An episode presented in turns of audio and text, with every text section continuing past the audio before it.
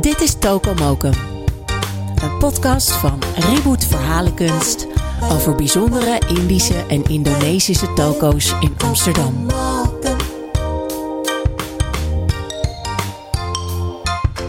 Aflevering 3, Toko Bandung. Toen de toko's kwamen, toen was ik, was ik echt opgelucht. Ik dacht, eindelijk is iets Indisch. Ja.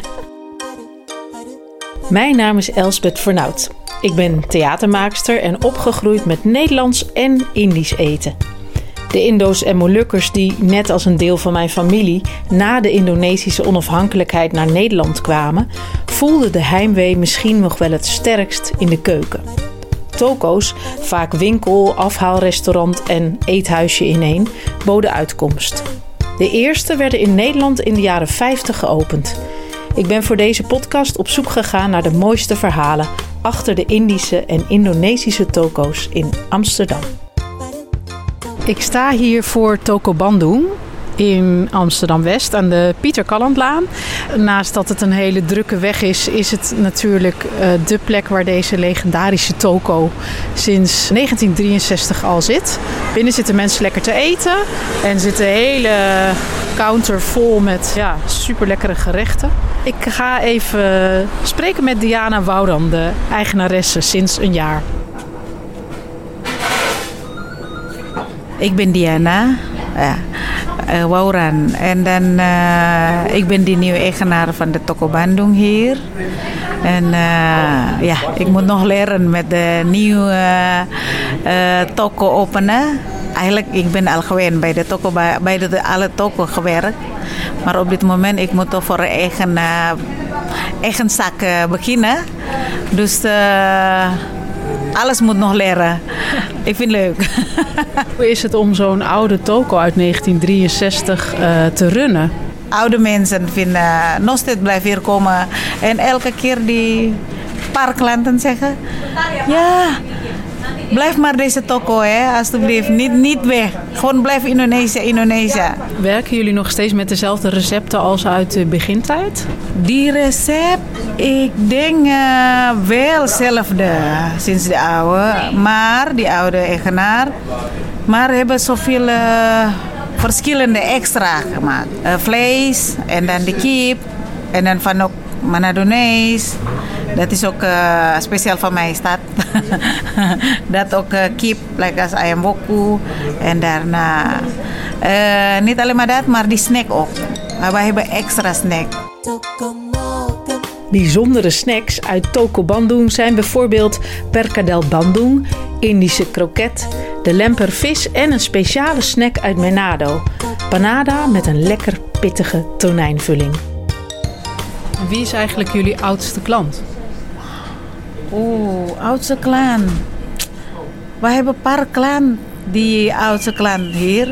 Daar die allemaal oma's, hè. Hebben ook die man, die mevrouw 100 jaar, 95 jaar.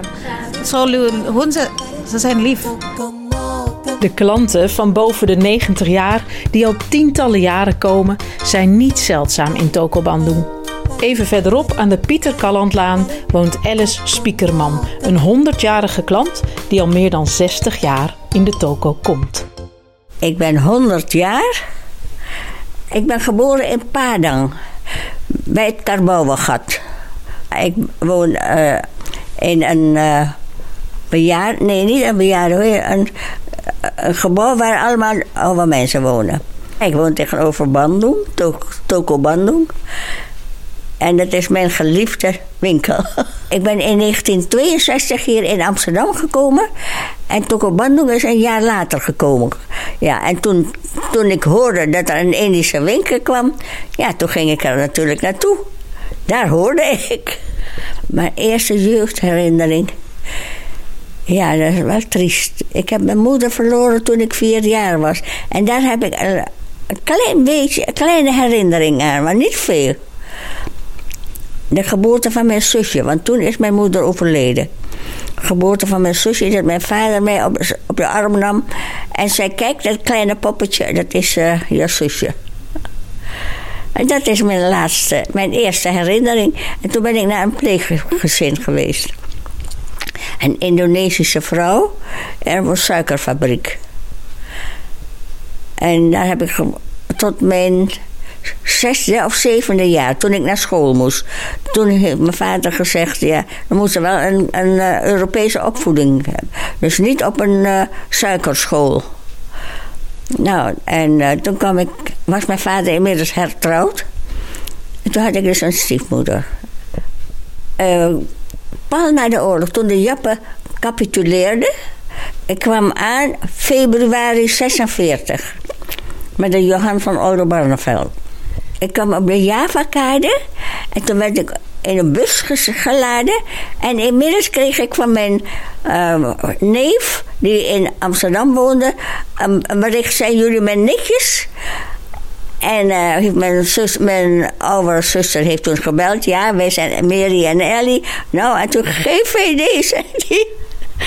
En toen zei hij, veranderd maar in Amsterdam. Want oorspronkelijk moest ik naar eh, Noordwijk. Toen heeft mijn neef heeft voor ons gezorgd dat we bij de Bonenbakker kwamen. En daar hebben we, zijn we, eh, hebben gewoond dan, totdat wij...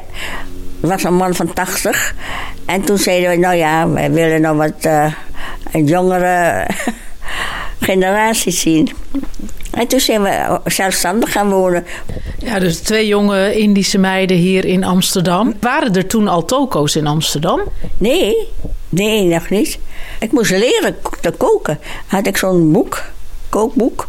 En daar heb ik eigenlijk allemaal eh, nou ja, recepten uitgehaald. Aardappelgerechten. En rijstgerechten waren er toen nog niet.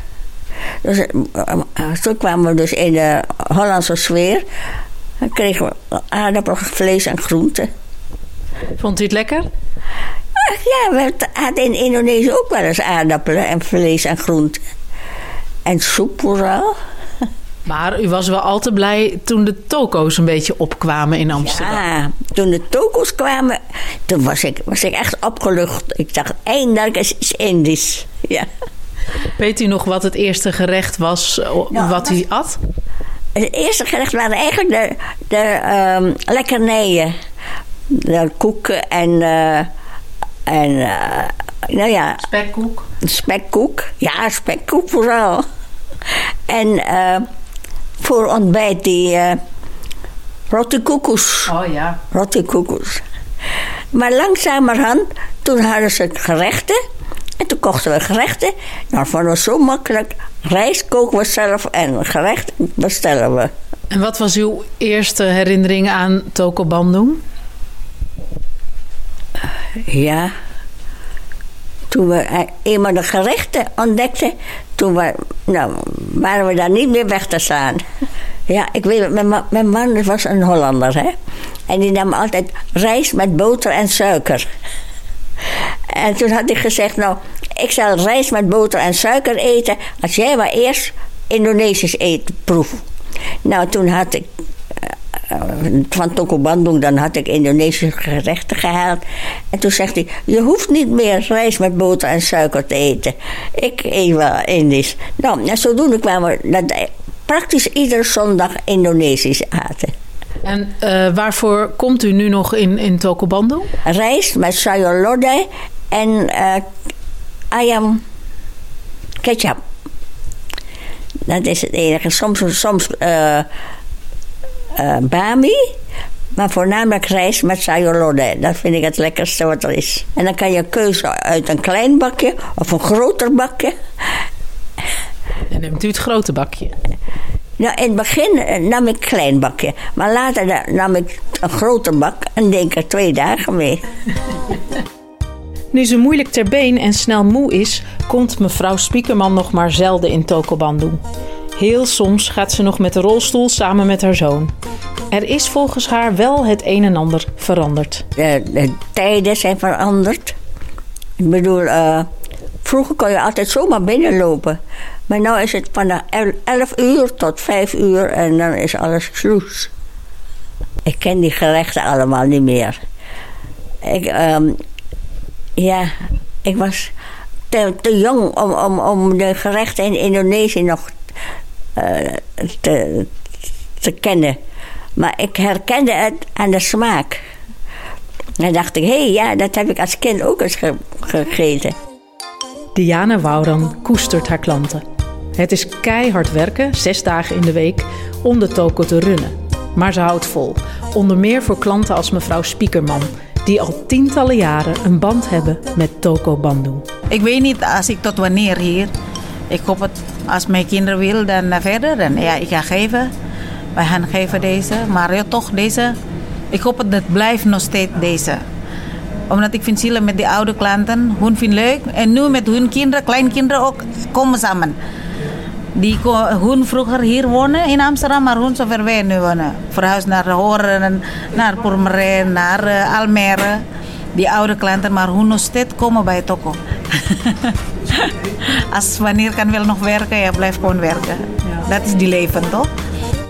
Toko Bandung aan de Pieter Kallandlaan 333. Een pareltje in Tokomokum. Met personeel dat er al decennia lang werkt. Ga er vooral langs voor de bijzondere snacks en gerechten en voor de gastvrijheid van eigenaresse Diana. En wil je meer weten over toko's in Amsterdam? Bezoek dan de expositie van Reboot Verhalenkunst Tokomokum in het Amsterdam Museum aan de Amstel. Nog tot en met 28 januari 2024 te zien. En daar zie je onder andere een videoportret van Toko Bandung. Selamat makan! Dit is Toko Mokum. Een podcast van Reboot Verhalenkunst over bijzondere Indische en Indonesische toko's in Amsterdam.